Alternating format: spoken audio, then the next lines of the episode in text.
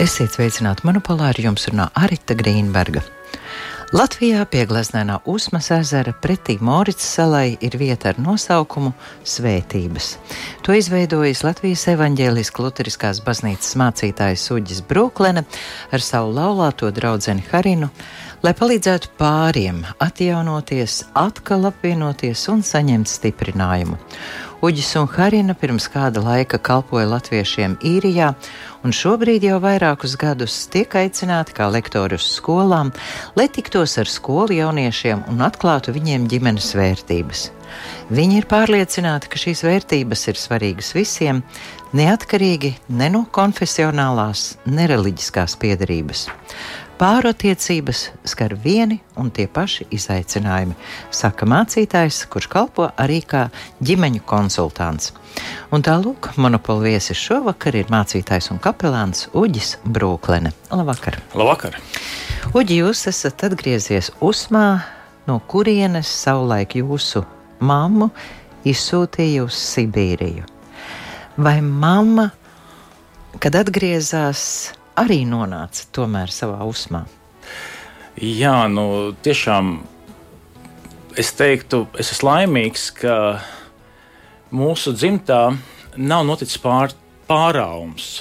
Māma vēl kā piecgadīga meitene tika no turienes izsūtīta, bet es jau kā 18-gadīgs uh, puisis tur atgriezos. Un eh, šī gadījumā mammai uh, dzīve tomēr nekad vairs nebija uzmā, un arī šobrīd viņa dzīvo Kandavas pusē. Un, uh, jo bija aizliegums. Atgriežoties no Sibīrijas, bija aizliegums atgriezties atpakaļ vai pat tuvoties savām dzimtas mājām. Tāda iespēja netika dota. Tā kā manā gadījumā es esmu ieprecējies atpakaļ uzmā. ieprecējies uzmā. nu jā, Par to mazliet vēlāk, bet tad, kad jūs nolēmāt uh, kļūt par mācītāju, patiesībā jūsu pirmā izglītība ir pavisam cita. Kāda? Jā, nu, mana pirmā izglītība, es esmu patiesībā ar to ļoti iepriecināts.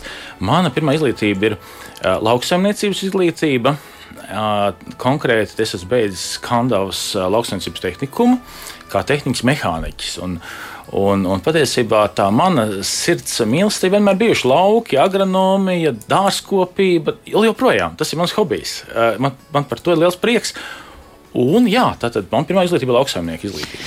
Bet jūs vecāki cerēja, ka jūs būsiet fermeris? O, jā.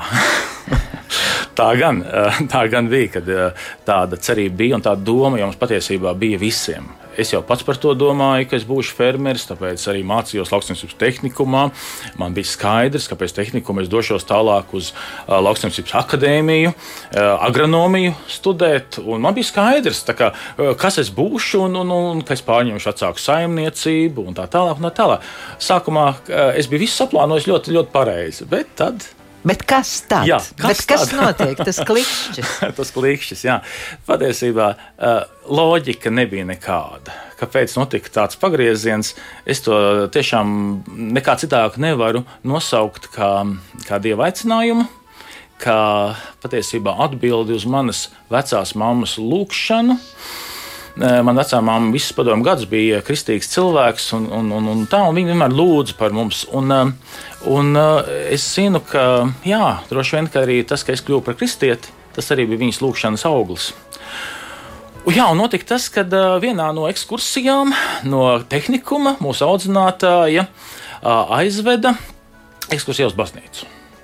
Un, protams, es gāju uz baznīcu, pilns skepses, pilns pārliecības, ka nu, tur jauniem cilvēkiem nav ko darīt. Es zinu, kādi tie resnvēderi, tie melnsvārči tur ir. Uh, zinu, ka viņi ir veci, resni, nesaprotami un tā tālāk. Un uh, aizejot uz baznīcu un, un brīnoties, kas nu tur baznīcā ir. Bet kas tā bija par baznīcu? Tā bija Kandavas, Kandavas evaņģis Lutriskā draudz baznīca. Un, un pēkšņi pie mums, pie šiem jauniešiem, nāk viens uh, vīrietis, jauns vīrietis, varbūt bija 30, varbūt vēl nebija 30, džinsenēs dilstošajās. Uh, un vēl kaut kādu tur joku sāk uzreiz stāstīt mums. Es domāju, kas tas tāds, ko viņš mums no mums grib?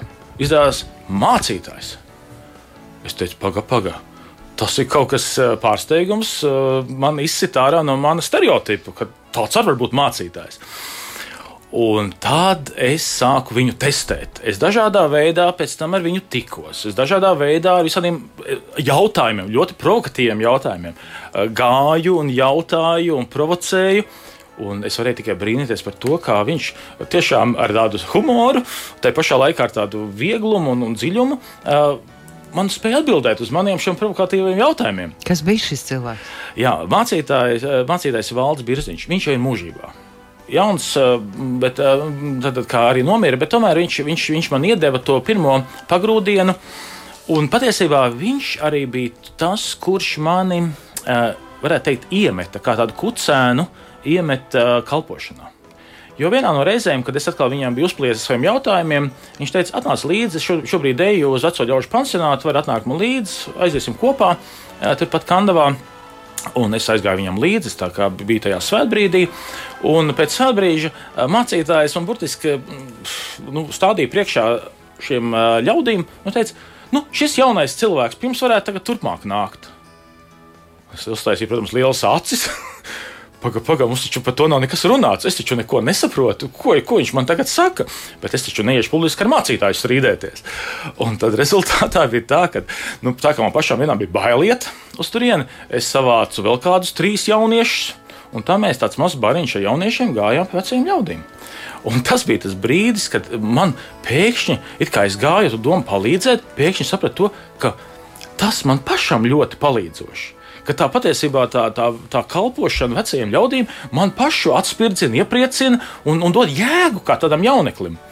Un, un tas bija tas, kad arī tieši no šiem vecajiem ļaudīm Kandavā tas bija uh, pirmais aicinājums, ko es sadzirdēju. Viņi teica, mēs tevi redzam par mācītāju. Tā arī nosauc vārdā. Tā viņa arī nosauc vārdā. Mēs tevi redzam kā mācītāju. Es teicu, nu, ko jūs runājat? Es taču būšu fermeris, man taču ir skaidrs. Es taču lielās, nu, es esmu trešajā kursā jau tehnikumā, pabeigšu tehnikumu, došos tālāk uz, uz akadēmiju lauksaimniecības. Man viss ir skaidrs, kāds mācītājs, par ko jūs runājat. Un tomēr, tomēr eh, tas uh, izskanējušais vārds, tas izskanējušais aicinājums mani uzrunāja. Tagad ar laika distanci, kad jūs lūkojaties uz šo gadījumu, uz šo pašu pirmsākumu, kā jūs to uztverat? Tā bija dāvana vai kas cits? Tā, tas bija brīnums pirmkārt, jo man notika kaut kas tāds, kas nebija nekādos plānos, tas nebija nekā ieplānojums, pat nebija nekāda loģika. Un to arī man daudz mēģināja pārliecināt ka patiesībā ko tu kā mācītājs ēdīsi? Atmetīs tev kaut kādus grašus, tur kaut kādu ziedojumu, tad tur atmetīs. Kā tu ģimeni pabaros? Tur loģika nekāda. Šeit vismaz tev ir stabils darbs, tu būsi zemnieks, tu tur pelnīsi, tur strādāsi, tev būs nauda, tev būs viss pārtika. Ko tu kā mācīties? Arī loģika tur nekāda nebija. Un man tuvāk, tuvākie cilvēki tiešām mēģināja mani no sirds pārliecināt, labu gribot. Es to nekā citādi nevaru nosaukt kā tikai brīnumu un kā tikai aicinājumu. Dievs man aicināja uh, nu, būt par to, kas patiesībā viņš man radīs. Labi, ka jūs to sadzirdējāt.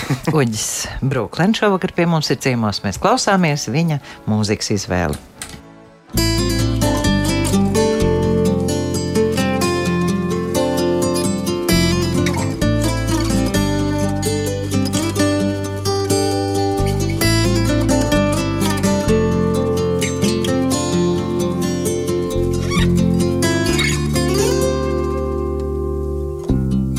Pasaule ir tāda skola, kur mani var atrast beigtu, kur mani māca nebūt dzīvam un runāt, lai neko nepateiktu, kur mani māca dziedāt līdzi tam visam, ko nesaprotu, kad klusēju un neprotu melot, kad runāju, izrādās jau protu. Pasaule ir tāda skola.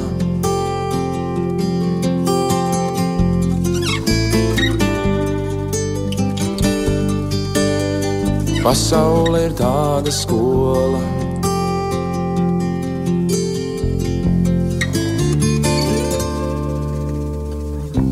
Man saka, dzīvo ir diena, bet kāpēc tik tumšais rūtīm?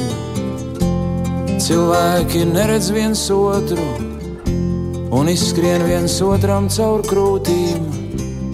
Pasaule ir tāda skola, kur visi mācās no kļūdām. Dievs mūs grib darīt par baznīcām, mēs sevi par suņu būdām. Pasaule ir tāda skola.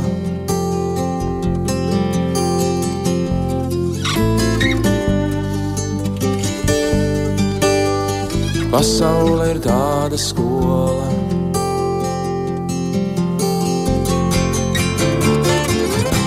Un to, kā viss ir pa īstam, to skolotāji nedrīkst sacīt. Šai pasaulē jālasa avīzes, tajā aizliegts lasīt no acīm.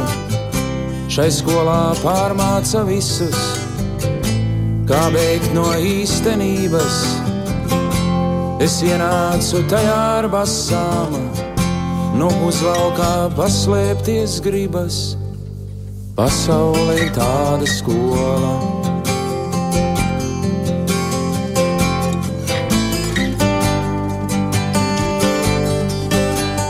Pasaule ir tāda skola.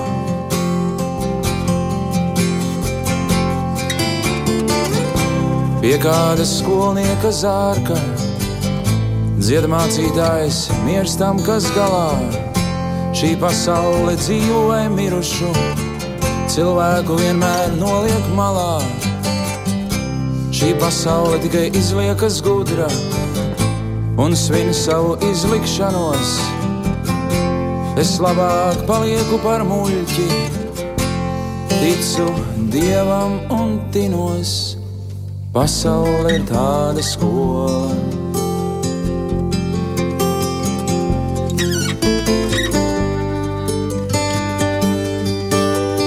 Pasaule ir tāda skola.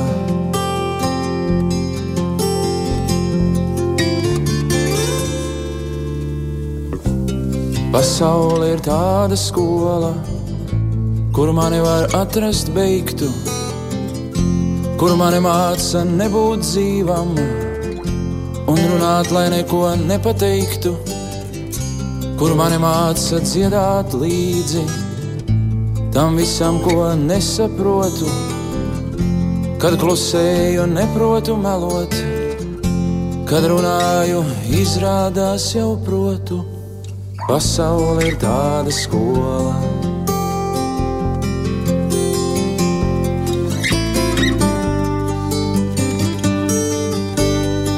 Pasaule ir tāda skola.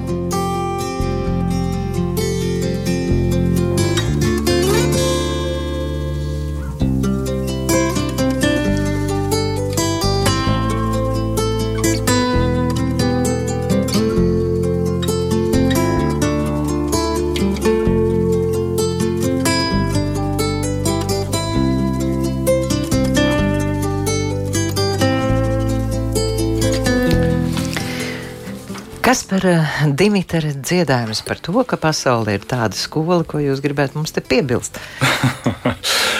nu, šī ir viena no tādām dziesmām, kas manī rezonē personīgi, jo es tiešām um, pats daudz kur piedzīvoju, cik daudz patiesībā manī pašā kādreiz ir kaut kādas izlikšanās un, un liekulības vai, vai kaut kāda maska, ir patiesībā jau nu, patiesībā godīgi līdz galam atklāts, es varu būt tikai patiesībā Dieva priekšā. Patiesībā jau es savu dvēseli uz ārā varu izgriezt tikai viņa priekšā, kurš man tiešām mīl bez nosacījumiem, kurš man, man pieņem bez nosacījumiem Kristus dēļ, un, un līdz godā, god, godīgi es varu būt viņa priekšā. Ja? Un, un tad kādreiz tiešām ir tā, ka, nu, tad, kad tu piedzīvo, ka arī spiediens no malas ir tāds, ka tu, tev jāizliekās, tev jātēlo, tev jāuzvelk uzvalks vai vēl kaut kā tad vienā brīdī tev gribās paiet no visas malā. Tev gribās vienkārši būt tev pašam, gribās būt uh, tiešām tam, kas tu esi. Ar to patiesībā kaut kur tādu vienkāršību, kaut kur tādu. Nu, Nu, jā, ka tu pats esi tu pats, un, un, un šī gadījumā, ka tu vari ar Dievu runāties, ka tu vari beidzot viņa priekšā būt tas, kas tu esi. Un kas par man, man, man ļoti, ļoti ir arī tūs arī to, ka um, mums ir jau teikt, viens garīgais tēvs Mums ir viens garīgais tēvs, kura vārds ir uh, profesors mācītājs Roberts Feldmans. Kā jūs iepazināt viņu? Uh, Roberts Feldmani. Roberts Feldmani, ah, tur bija ļoti, ļoti svarīgs tāds mans dzīves pagrieziens. Tad, kad es jau pēc armijas, pēc, pēc obligātā dienesta atgriezos. Atpakaļ es sāku dzīvot Rīgā. Rīgā, jo es gribēju mācīties, es gribēju studēt teoloģiju un, un tā. Un, un tiešām Rīgā es pirmo reizi dzīvē sajūtos absolūti vientuļš. Tas bija tas paradoks. Es, kurš esmu uzaugusi laukos, kurš esmu pieredzējis, viens pats iet ganos, viens pats būt, viens pats lasīt grāmatas un tā pēkšņi atnākot uz Rīgu, sajūtos absolūti pazaudējis, absolūti vientuļš. Un tad bija tāds brīdis, kad, kad es sāku iet uz uh, vienu no draugiem. Tad Rīgā ir tāda Kristus draudzene. Es sāku tāds jaunietis, iet uz draugu, un tur, uh, tur bija viena, viena tāda jauna sieviete, kur teica, Klau, es tevi gribu iepazīstināt ar, ar, ar, ar, ar, ar tādu profesoru Feldmanu. Viņš ir ļoti, ļoti dziļš un, un ļoti labs mācītājs. Es teicu, labi. Un tā mēs aizbraucām uz meža parku, kur viņš dzīvoja, un tā notika tā pirmā satikšanās. Un, un no tā brīža ir tiešām tā, kad bija, kad es eh, burtiski viņam arī pielipu kā tāds garīgais dēls, un, un pie viņa tiešām pavadīju daudz laika, un, un es tiešām beidzot sajūtos kā mājās. Tas bija ļoti īpaši. Kā jau es te iesākumā minēju, jūs eh, šīs nodarbības laulātajiem pāriem un jau paššķirtajiem pāriem reizēm vadāt kopā ar savu laulāto draugu Harinu, mm -hmm. bet tas interesantais ir tas, ka jūs ar Harinu arī uzreiz nekļuvāt laulāts pāris. Tur bija diezgan um, ilgi, vairāki gadi, kad jūs dzīvojat pārdomās un patiesībā ļoti lielās pretrunās. Kā jā, tas bija jā. un kādēļ? O, tas bija, es teiktu, ļoti dziļš pārdomu laiks, tāpēc, ka skatoties uz profesoru Feldmani, kas bija mana autoritāte, es redzēju, ka viņš dzīvo celibātā. Viņš dzīvo, viņam nav ģimene. Bet toties viņš ir ļoti bagāts ar bērniem, garīgiem bērniem. Viņam ir dēli, viņam ir meitas, kuras viņš kā, kā mācītājs arī uh, aprūpē un tā tālāk. Un man likās, man šķita, ka tāda laba mācītāja nu, tā kā, tā kā būtība ir, ka es visu, visu sevi veltu tikai citiem. Es visu, visu sevi, citu sevi veltu citiem. Un, un es nevaru īsti atļauties eh, būt labs eh, vīrs vai labs tēvs nu, saviem nu, tuvākajiem, eh, šī gadījumā sievai un, un, un, un tad, tad bērniem. Un, uh, un tagad manī tas bija. Es ar Harinu tiešām mēs uh, sākot no 1994. Uh, gada. Es, Es, es tad, esmu plecu pie pleca ar Harinu. Kopā, kopā darbojamies pie jaundibinātās uzmas draudzes, kur tikko 94. gadā bija dibināta. Es ļoti daudz tur ieguldījos, kā tāds jauneklis. Ļoti daudz arī darījām kopā, tālāk jau pie baznīcas celtniecības. Mēs vairāk bijām kādi labi, labi sadarbības partneri. Ļoti labi, kā kristīgs brālis, kristīga māsa. Jūs viņus vispār kā sievieti neredzējāt? Nē, es neredzēju viņu kā sievieti. Viņa bija, protams, simpātiska un tā tālāk, bet es nekad neskatījos uz viņu kā uz sievieti. Viņa bija man tiešām tāda kristīga māsa. Un, un patiesībā piecus gadus Mēs šādā veidā vienkārši pie pleca pie pleca darbojāmies. Bet tagad, kad jūs esat jau laulāti un, un, un ģimene, eh, jūs droši vien esat pārunājuši. Ko tad viņa tajā laikā domāja un kā viņa jutās? Viņai bija pilnīgi nelīdz manim. Viņa pilnīgi bija pārņemta ar baznīcas celtniecību, pilnīgi viņai bija uh, citas domas un, un citas vērtības, un viņa uzskatīja, ka, ka nu, kam man vīrs, nu, kam man tur tas, kam man tur Tad tā. jau jūs ļoti vienādi esat uzskatījuši. Mēs stipri līdzīgi. Kas notika? Jā, jā, un kas notika? Tās domas mainījās. jā, jā. Un bija, protams, bija viens, um, bija tad, tad, 97, tad 1997. gadā um, Harēnu savu dzimšanas dienu organizēja tādu kā krizantēm balli, tā viņš sauc savu dzimšanas dienu, krizantēm balli. Un uh, es tieši tajā laikā arī jau studēju teoloģiju, un, uh, un es paralēli man būtu iztikai, es strādāju veiklā Dresman, kā vīriešu apģērba konsultants. Un, uh, tas bija mans maizes darbs. Ko tikai jūs nesat darījis? Oh, un, patiesībā, pat to kā cits stāsts, tas man ļoti bija palīdzoši, lai es atvērtos komunikācijai. Jo tomēr tas Bikls lauka zēns varēja atvērties komunikācijai, esot kā pārdevējs. Ko vajag, tu vajag, jā, jā. veikalā bez tā neizturas. nu, lūk, un šajā, šajā reizē, kad es braucu uz Usmu, es nopirku, protams, krizantēmas un tā, un, un tieši arī tajā, tajā autobusā brauca tad viena no Harinas labākajām draudzenēm ar savu vīru. Viņa bija aizbraukusi, viņa bija man noskatījusi, kad viens tāds garš laids ar krizantēmām rokās puisis dodas uz Usmu.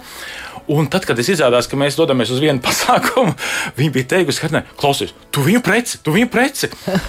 Un viņa Paldies, teica, draudzenei. Ko, ko tu runā? Viņa teica, nu, kā, kādu precēšanu? Viņš taču ir nu, tāds foršs brālis Kristu, bet nu, par precībām, ko, ko par precībām. Bet tomēr, tomēr bija tā, ka tajā reizē mēs aizbraucām uz balli, vēl arī uz, ja nemaldos, tas bija um, ēdols pilī. Un uh, kaut kā tomēr tajā vakarā, tajā reizē notika kaut kāds klišķis. Abiem? Uh, jā. Viņa, protams, bija pārsteigta par tādu manu, varbūt tādu, uh, tādu, varbūt tādu atvēršanos citādāk. Uh, un, uh, un varētu teikt, tā, tā bija pirmā buča. Aha. Es nekad neko tādu nebiju atļāvies. Piecus Aha. gadus, nekā. Nu, tā. Nu, lūk, un tad, uh, tad sākās viens grūtais periods, tas no 97. gada līdz 2000. gadam, kad mēs salauzāmies. Oi, tas ir tas, ko es esmu jau teicis. Es jutos tā kā tāds autobraucējs, tā kā tāds šoferis, kurš apsēdies pie automašīnas stūres un vienlaicīgi ar abām kājām spiež uz vienu kāju spiež uz gāzi un ar otru spiež uz bremzi. Uh, man ļoti, ļoti vilka. Ļoti, ļoti gribējās tuvā, tuvināties, ļoti gribējās dziļāk un dziļāk un vairāk attiecībās būt. Tā pašā laikā visu laiku jābremzē sev, nē, nu kā tu tā vari, vai tie ir divi aicinājumi, ko var apvienot, vai tiešām tu būsi labs ģimenes eh, tēvs un, un vīrs, un gal galā labs arī mācītājs, jo skaidrība man bija par mācītāju, ka tas ir mans aicinājums, bet par ģimeni man nebija skaidrība, vai es esmu ģimenes cilvēks. Oh, un tad man bija visādas eh, ilgas, es ilgojos pēc tā kaut, kaut uzvestos kāds vīrietis, kas apprecētu Harinu. Kaut, kaut, kaut, kaut apprecētu viņu, un, un man būtu miers. Es varētu brīvi teikt, huh! Tas tagad ir pagājis. Man par to vairs nav jādomā. Viņa ir sieva citam vīrietim, un viss cauri es varu būt mierīgs. Bet es neprecēju, neaprecēju. un tad pienāca arī brīdis, kad es tiešām pēc tādām daudzām, varbūt tādām dvēseles teiktu, kustībām, eh, atkal gāju pie viena no saviem draugiem, mācītājiem, un es teicu, nu, klausies, ko lai es ar šito visu daru. Un, un, un tad tas mācītājs man teica, kāda problēma tev precēties? Nu, kāda problēma Lutāņu mācītājiem būtu laulībā? Nu, es teicu, nu, kā nekāda. Nu, tik daudz, ka tā, es iedomājos, ka tā būtu labi, kad nevajadzētu ģimeni. Un viņš teica, nu, nekāda pretruna nav. Ja tu esi aicināts uz to, nu, tad esi. Tad nav problēma. Un tagad man radās jautājums, kā lai es to pasaku profesoram Feldmanim? Jo es domāju, viņš taču man nesapratīs.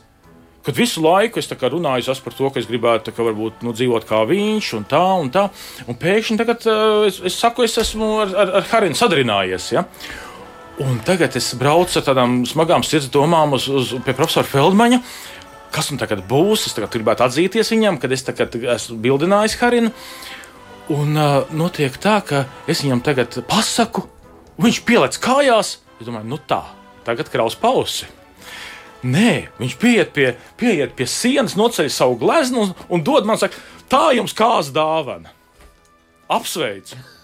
Tik vienkārši. Tas bija kaut kāds atkal pārsteigums, kā tāds pagrieziens. Un, un tad jau, jā, tad jau tālāk gatavojamies laulībām, un tad jau 2000. gadā tiešām arī bija tā, kad mēs uh, apprecējamies.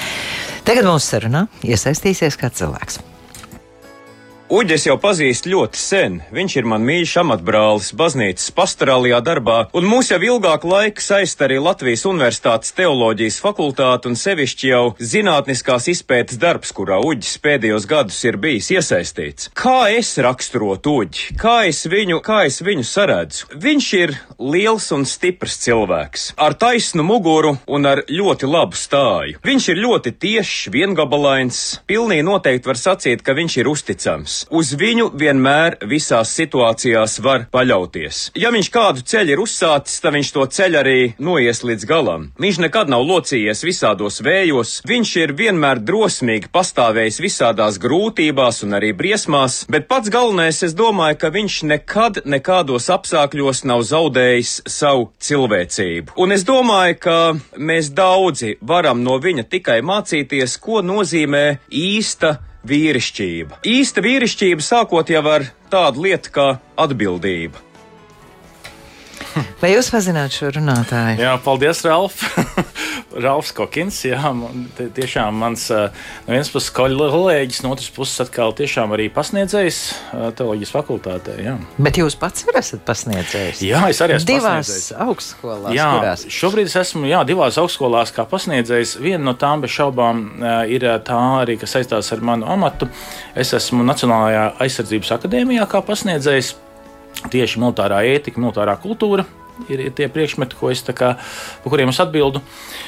Un, un, jā, un otra augstskola ir tātad, mūsu Latvijas Evanģēlas Lutriskās baznīcas augstākā mācība iestāde, Lutera akadēmija, kurā konkrēti es esmu pasniedzējis gan topošajiem teologiem, un, un, un tiešām arī mācītājiem, kuri tad izvēlējušies dzīvē to aicinājumu, atsaukušies eh, būt par mācītājiem. Un tagad es patiesībā eh, nu jā, strādāju patiesībā tādiem divām ļoti nozīmīgiem amatiem vai profesijām. Ne? No vienas puses tie ir virsnieki, kas tiek formēti par virsniekiem, no otras puses tie ir atkal teologi, kas tiek formēti par mācītājiem. Un, un šī gadījumā abas šīs profesijas, jā, tās patiesībā ir tādas, kas uzņemas atbildību un kur vajag daudz drosmes. Ralfam arī ir kāds jautājums. Kāds būtu mans vēlējums uģim? Tas būtu ļoti vienkāršs. Uģi, mīļo brāl, tu tikai turies. Turies ar Dievu palīgu. Es zinu, ka es to saku diezgan bieži citiem cilvēkiem, bet es to domāju ļoti nopietni. Ja mēs neturēsimies, tad arī pasaule neturēsies. Ja drīkst vēl beigās kādu jautājumu, tad tas būtu apmēram tāds. Atliek vien ieskatīties kādā grāmatveikalā vai ieslēgt radio vai televizoru, lai saprastu vienu lietu, ka mēs visi gribam būt laimīgi un labi dzīvot. Mēs izmisīgi cenšamies, lai būtu laimīgi, bet kaut kā nesanāk. Vienmēr mums kaut kas pietrūkst, un tas jautājums būtu tev sekojošs. Tu esi cilvēks ar ļoti lielu un labu pieredzi. Varbūt tu vari pāris vārdos atbildēt šo jautājumu jautājumu, kā mums nav, kā mums pietrūks un kas mums īsti ir vajadzīgs, lai mēs varētu labi dzīvot un lai mēs būtu laimīgi. o, jā. Es domāju, ka grāmatveikali ir pilni ar, ar dažādām tabletēm eh, laimēji. Bet patiesībā jau, nu, ja teikt tā, laime jau nav atrodama ārpus tav, tavas būtības un ārpus tava aicinājuma Tad, ja tu esi saskaņā ar savu aicinājumu, ja tu esi saskaņā ar to nodomu, kas ir tiešām dievam, um, domājot par tevi, un, un tu esi tiešām, nu, ja tā varētu teikt, jā, nu, atklāts pret Dievu un, un runā, un, un šī gadījumā, ja tev Kristus ir tavs dzīves pamats un jēga, nu, tad es teiktu, jā, tad tur ir laimes atslēga. Tādā nozīmē, ka kad es esmu es pats, es drīkstu būt uh, atklāts, es drīkstu būt, uh, jā, būt savā aicinājumā un, un gal galā zināt to, ka uh, šī dzīve jau nav mans uh, vienīgais, uh, vienīgās mājas. Es zinu, ka es uh, eju uz, uz, uz, uz tieši to valstību, ko Kristus dēļ es varu iegūt, ja, kas ir man mūžīgā dzīvība. Ja. Un, ja es apzinos to, tas es esmu laimīgs. Es zinu, ka es uh, esmu ceļā. Es esmu kopā ceļā ar viņu, kas ir patiesība, kas ir ceļš un dzīvība, kā Kristus pats par sevi saka. Un es netieku pie tēva kā viens ar mani. Kristus saka, tā kā es esmu laimīgs, jā, un es teiktu, laimīgs arī tas, kurš arī šo ceļu ir atradis. Un turpināsim ar mūziku.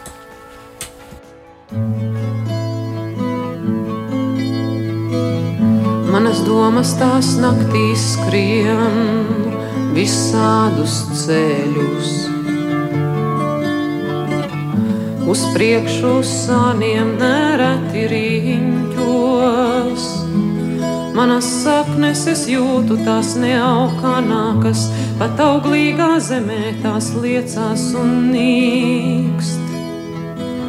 Mana tauta tā nīkst visās pasaules malās.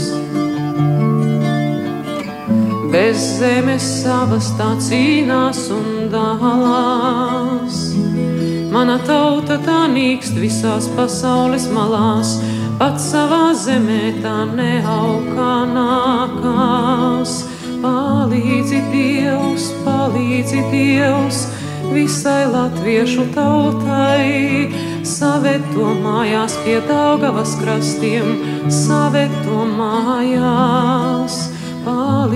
Dievs, palīdzi Dievs mūsu latviešu tautai. Dzīt saknes drīz brīvas Latvijas zemē, dzīt saknes drīz brīvas Latvijas zemē. Katra diena tā sāp visai latviešu tautai. Dalītai šķirtai tik skumji skan dziesmā. Katra diena tā sāp visai latviešu tautai, dalītai šķirtai dziest lēnām mums liesmā. Palīdzi Dievs, palīdzi Dievs visai latviešu tautai. Saveto mājās pie Dāgavas krastiem, saveto mājās. Palīdzi Dievs, palīdzi Dievs mūsu latviešu tautai. Dzīt saknes drīz brīvas Latvijas zemē, dzīt saknes drīz brīvas Latvijas zemē.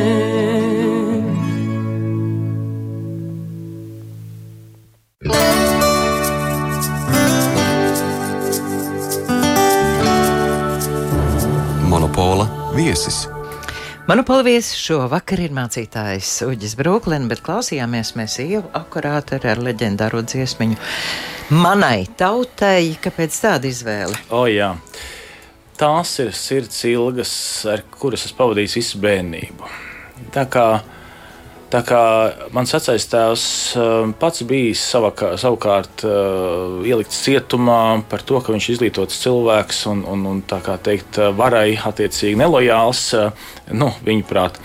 Vienmēr viņš ir klausījies Amerikas balss un Vašingtonas brīvo Eiropu. Ar, ar, ar šīm šņāku, šņācošajām skaņām un šiem raidījumiem es esmu uzaugusi no, no bērna kājas. Un, eh, un, un tad, kad jau tikko parādījās pirmie, pirmās pazīmes, ka tomēr Helsinki 86 un, un tālāk jau visas šīs manifestācijas un tā tālāk. Es vienmēr kā bērns biju iekšā. Es biju klāt, es biju viens uh, no visa.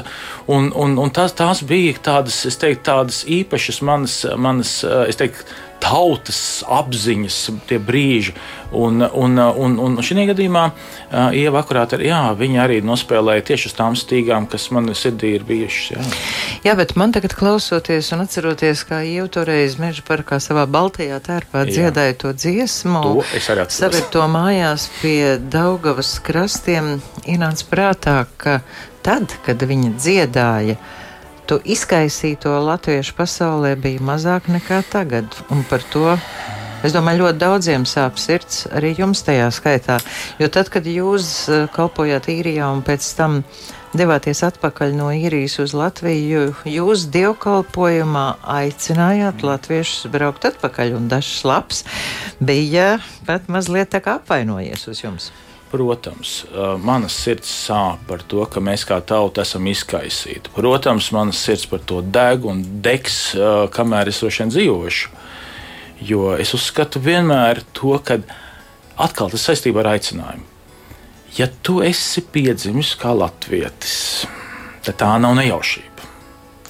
Dievs tāpat tevi nerada par latvieti, neļauj tev kļūt par latvieti, piedzimt patiesībā tik mazā tautā uh, lai pēc tam tu pazustu. Lai tu pēc kaut kur, kaut kur pazustu tautai, pazustu valstī. Un, uh, ja, ja tu esi kā Latvijas dzīvis, tad ir jēga, ka, ka tu esi Latvijā, ka tu ieguldies Latvijā, ka tu velties Latvijai, ka tu esi tās vietas patriots un tu ziedojies tās labā. Lai cik tur būtu, varbūt daudz nebūšanas, kādam tur vairāk gribās uzskaitīt nebūšanas un, un, un, un kaut kādas lietas, bet tā ir tavējā, tev cita nav. Un es teiktu, manas sirds par to deg. Mums ir vēl kāds runātājs. Par Uģi Brūklēnu es varu pateikt, ka mūsu iepazīšanās ir bijusi tāda stipri saudabīga. Tas bija viens bērns, kuras bija jāvada man, un es ierados šajā ceremonijā. Es nezināju, ka paralēli tenī pat vietā notiek vēl viens bērns. Pirmā brīdī pavadītāji un tuvinieki pienāca man klāt un teica, vai jūs esat mācītājs uģis, un es atbildēju, jā, protams, es esmu mācītājs uģis. Un tikai pēc laika noskaidrojās, ka ir vēl viens bērns tanī pat vietā. Abi divi mācītāji, kas izvadīja abus aizgājējus, bija uģi. Viens bija Palo, viens bija Brooklyn. Nu, lūk, es nezinu, vai pats uģis Brooklyn to zina, bet tāds ir tas notikums, tā mūsu pirmā sastapšanās. Un tad es uzzināju, ka starp mācītāju aprindām ir uh, vēl kāds uģis, ne tikai es vienīgais, jo līdz tam man likās, ka Latvijā es esmu vienīgais mācītājs uģis. Domājot par uģi kā par kolēģi, mēs neesam tādi ļoti bieži sastapušies, sastrādājušies, darījuši daudz ko kopā, bet ir kaut kādas domu apmaiņas un kaut kādas tikšanās vai Latvijas kristīgā radio savā laikā vai kur citur ir bijušas, un vienmēr ir tāds stipri patīkams iespējas, tāda pārliecība un paļāvība, ka arī šis vīrs meklē dievu un mēģina tuvināt dievam cilvēkus. Un runājot kā par profesionāli, zinot, ka Uģis Brūklēns ir aizgājis arī kā armijas kapelāns un dienu šobrīd, tas iepriecina un tas šķiet kā svētība mūsu Latvijas armijai. Sākumā izskatījās, ka nepazīstat, bet tad laikam sapratāt, ka tas ir. Jā, Uģis Palo. Arī viens no jūsu kolēģiem, viņš ir baptistu mācītājs, jā, un pareizi viņš arī saka, ka pelāns tā ir svētība Latvijas armijai. Tas laikam ir eh, ļoti nopietni. Varbūt tādā vēlējuma formā pasakiet eh, jaunajiem cilvēkiem, Ko es viņiem tā kā vēlētu? Jauns gads ir sācies. Nebaidīties būt pašiem, nebaidīties um, būt, atsaukties aicinājumam. Un šajā gadījumā um, es to redzu arī armijā, kad um, ir ļoti svarīgi, ja tu tur esi, tad tu esi atbilstoši tiešām savam aicinājumam, nevis kaut kam citam.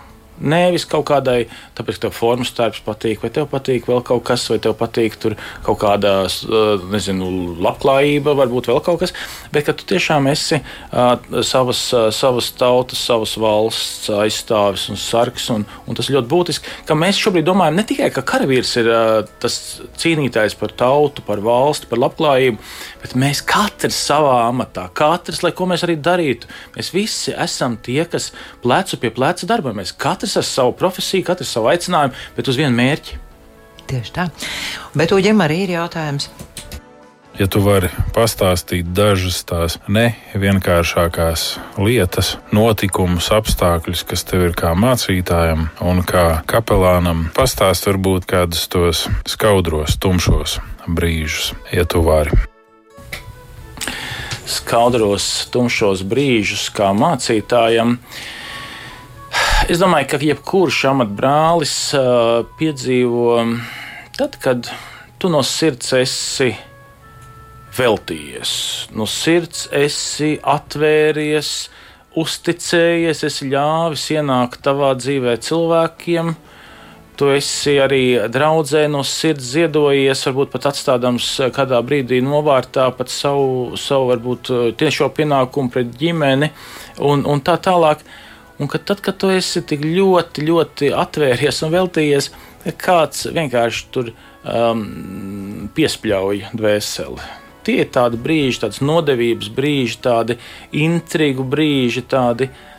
Un, un arī tas, ka eh, tu kā mācītājs saproti, es tiešām no sirds, bez jebkādiem ļauniem nolūkiem, es centies, un ka beigās ir tā, ka tev pārmet kaut kādu mantkārību, sautīgumu, vēl kaut kādas tādas lietas, ko patiesībā tas tev ir pārsteigums. Tad, nu, jā, bet īstenībā jau tas droši vien ir jebkurā profesijā. Jebkurā. jebkurā bet jo profesijā. īpaši tomēr tas ir brīdis, kad tiem, kas ir kā kalpotāji, tie, kas patiesībā Nu, nav tā, ka nu, tu, nu, metinātājs uzmetina savu dzelzi, kas patiesībā ir ļoti cienījams un labs, bet viņš, viņam jau nevajag ļoti ielaist cilvēku sirdī. Arī tiesa. Viņam jau, nu, viņam jau ir cita, nu, tāda, cita saskara. Bet tikko tu esi kā kalpotājs, tikko tu esi tiešām cilvēkam kā savējais kļuvis, kā uzticības persona galā, un tu viņam esi atklājies, tad tādas nodevības noteikti. Un otrs ir tas, ka varbūt tu esi gatavojies, tu esi gatavojies dievkalpojumu, tu esi domājis, tu esi lūdzis par to, un beigās atnāk kādi daži, un tad atkal tāda sajūta ir, ai, taču kāpēc viņi to palaiž garām, kā Dievs grib viņus svētīt? Un turpinām ar mūziku.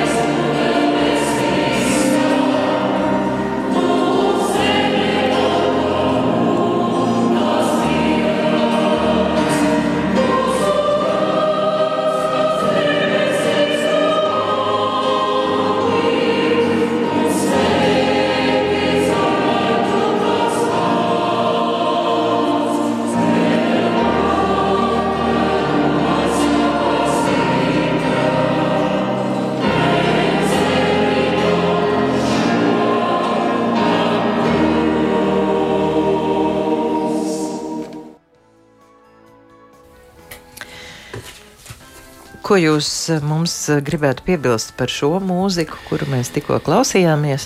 Nu, atkal tā ir mans sirds lūksne, sveitīgi kungs šo mūsu zemi. Un tiešām, lai tā brīvi, brīvi ziedētu, vai patiešām varam izpausties, mēs varam šeit realizēties, varam šeit būt. Un, un, un tas ir mans lielais lūgums. Un, un, un es teiktu, tā tas, ko es, es esmu gatavs arī darīt, ja, nu, tiksim, tiešām, ko es varu savā profesionālitātē un tā tālāk, gan palīdzot ģimenēm, lai, lai tiešām viņām arī ir, ir viņas var ziedēt, viņas kā ģimenes var ziedēt, lai viņas kā ģimenes ir saliedētas, lai viņas kā ģimenes tiešām ir stipras.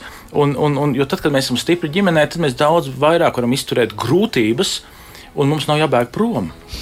Nu, lūk, jūs esat konsultanti abi ar Hariju no ģimenēm. Uh, um, par to iesākumu, kā jūsu paša ģimene veidojās, jūs jau izstāstījāt, bet jums arī dzīves ceļā ir nācies tiešām grūtas, smagas lietas uh, piedzīvot. Uh, jūsu ģimene zaudēja divus bērniņus, mm. vēl nedzimušus, mm. un um, divi bērniņi ir jūsu prieks un atceraugs. Sakiet, lūdzu, ar tik ļoti smagām lietām, kā var tikt galā, un um, pie reizes gadās, ka šādos smagos brīžos ģimenes tieši nevis satuvinās, saliedējas, apvienojas, bet izšķīst un izšķiras. Mm. Jā, protams, tas ir atkal vērtību pārvērtēšanas brīži. Tie ir tādi atskats uz tādām mūsu pamat, pamatvērtībām, pamatlietām. Es teiktu viennozīmīgi, jā, mums ir bijuši šie grūtumi, un tai pašā laikā ir realizējušies šie vārdi, kas Bībelē teikt, teikti, ka tiem, kas Dievu mīl, visas lietas nāk par labu tiem, kas Dievu mīl, visas lietas nāk par labu. Un, un šī gadījumā es teiktu arī, jā, mēs esam kā ģimene pārdzīvojuši to. Mēs esam kopā pie Dieva tvērušies, mēs esam kopā viņu lūguši, ar viņu runājuši. Galu galā mēs esam uh, arī ar šo skaidrību, ka, ka Dievam jau neviens no šiem cilvēkiem nav pazudis. Arī tā ir viena no skaidrībām, ka, kad, ja, viņš, ja viņš ir ieņemts, tas nozīmē, ka viņš ir cilvēks. Tajā brīdī? Jā, tajā brīdī. Jo tajā brīdī, kad vesela un miesa ir savienota, tajā brīdī viņš ir cilvēks. Un mums ir pilnīgi skaidrs par to, ka uh, mēs uh, mūžībā iepazīsimies ar šiem diviem, kurus mēs šodien vēl nepazīstam. Kā jūs viņus saucat? Mums ir brūklinītes. Mazās brūklinītes. Bet jums ir arī uh, skaists stāsts par to, kā tika celta Usmas baznīca. Pilnīgi, pilnīgi tukšā vietā uzcelt baznīcu. Īstenībā tas ir kaut kas pilnīgi neticams. Tas ir neticams, jo vairāk mums nav uh, bijis ne sponsora, tāda sākotnējā, vai mums nav bijusi kaut kāds materiālais nodrošinājums, kā tikai un vienīgi uh, vīzija un aicinājums. Tikai un vienīgi uh, tas, ka uh, ir aicinājums, kur Dievs uh, parāda, šī gadījumā Harinai tas bija kā tāds redzējums un vīzija, ka šāda būs baznīca un attiecīgi vienkārši paļaušanās un uz to iešanu. Tad, kad viņai rādīja pie deniņiem, teica, vai tu meitenīte vispār neesi prātu izkūkojusi, ko tu tagad runā, viņa teica, bet es tā redzu. Un, un šī viņas pārliecība un uzticība bija tā, kas, kas, kas principā iznesa. Un, un, un, un šī gadījumā atkal šeit man ir jāsaka tas pats, kas arī man ir nesis visus šos gadus cauri. Tiešām labā, tādā, tādā labā nozīmē ir, ir vārda apsolījums, ka jūsu aicinātājs ir uzticams. Viņš būs arī darītājs. Un es šo, pie šiem vārdiem ļoti turos un, un saku, ja Dievs man uz kaut ko aicina, tad viņš arī darīs. Es nezinu, kā, bet es esmu pārliecināts, ka. Bet kā jūs, kā cilvēki, jūs gājāt pie vietējiem iedzīvotājiem, lūgt palīdzību, vai kā tas notiek? Protams, viss notiek kontekstā. Tad mēs atkal saprotam, ja reiz mēs esam uzmā, tad mēs esam uzmā ar kaut ko unikāli. Un uzmā ir unikāli, piemēram, ar mežiem. Un tas sapratām, uzmas bagātība uh, ir meži. Un tad arī tā sapratām, ka mēs iesim pie tiem, kam ir meži, un lūgsim trīs priedes. Jo tas bija tas limits, ko drīkstēja cilvēks ņemt savām vajadzībām, materiāliem. Ko varēja tur ne, nevajadzēja tur izņemt īpaši tur atļaujas, biļetes, saucamās, un tā tālāk. Un mēs gājām un lūdzām trīs priedes. Un tad turpatās arī pie baznīcas tika eh, Harinas mamma nopirkusi gateri, uzstādījām gateri, un turpat arī zāģējām šos baļķus. Paši? Paši, jā. Es pats arī ar traktoru, un šeit palīdzēja man lauksaimnieku izglītība. Es pats ar traktoru braucu mežā, pats uh, atzaroju kokus, labi, gāza cilvēks, tas ir profesionāls, bet es palīdzēju. Jūs saskaitījāt, cik tās priedes no, nu, finālā bija vajadzīgas? 43 īpašnieki iedeva pa trīs priedēm, nu tad mēs varam paskaitīt. Un tiešām visi bija atsaucīgi. Ļoti apbrīnojami uzmanīgi bija malači. Un joprojām viņi ir malači. Bet tajā brīdī mēs tiešām saliedējāmies un mēs to paveicām. Tā ir tā liela kopdarbs, ko mēs kopā visi paveicām. Cik gadu laikā? Jā, nu tad šī gadījumā tas bija par etapiem, un, bet kopumā ir desmit gadi.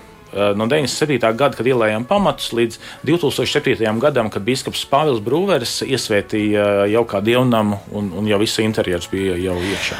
Kādi ir jūsu turpmākie plāni? O, nu tā, tā, tas ir tas, ka eh, mūsu tālākie plāni viennozīmīgi ir darboties kontekstā ar ģimenēm, noteikti stiprināt, jo es arī apzinos to, ka man pašam gribās, lai mana ģimene tiek stiprināta, lai es pats tiek stiprināts, un līdz ar to es gribu tiešām veltīties citu pāru uh, svētībām. Un, un šī gadījumā uh, USMā arī ir tā vieta, ko mēs gribam veidot kā tādu bāzi, kur šīm ģimenēm būt, kur aizbraukt, kur uh, saliedēties, kur būt tādas ģimenes, nu, es teiktu, gan atjaunošanās, gan, gan, gan tādas varbūt ģimenes terapijas, bet arī tikpat labi arī tāda retrīta, tāds atjauno, nu, tāds vienkārši atjaunotnes vieta.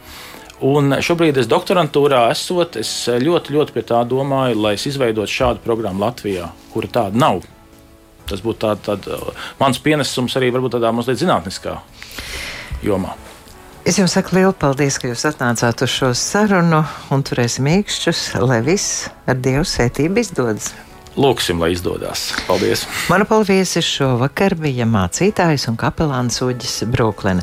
Vizītkartes sagatavoja Madara Siliņas, skaņu operātora Rita Karnača, mūzikas redaktora Dācis Stalidzēna, sarunu vadīja Arita Grīnberga mīļie. Lai jums visiem ir jauks vakars! Atā!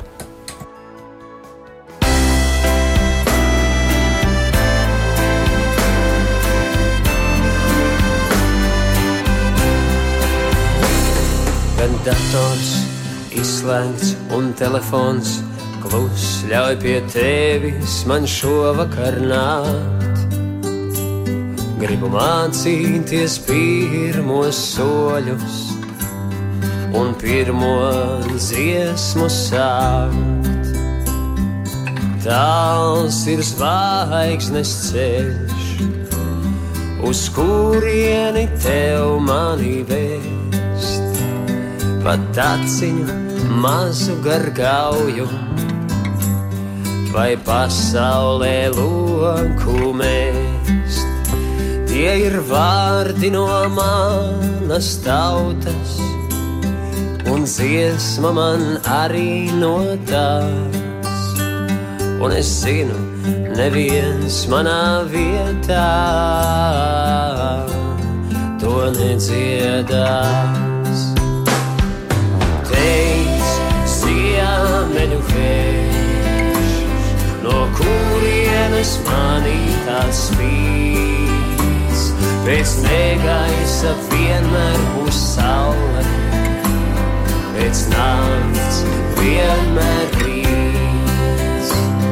Un tu, uguns, kurš kvēls ar tevi, man sildīt un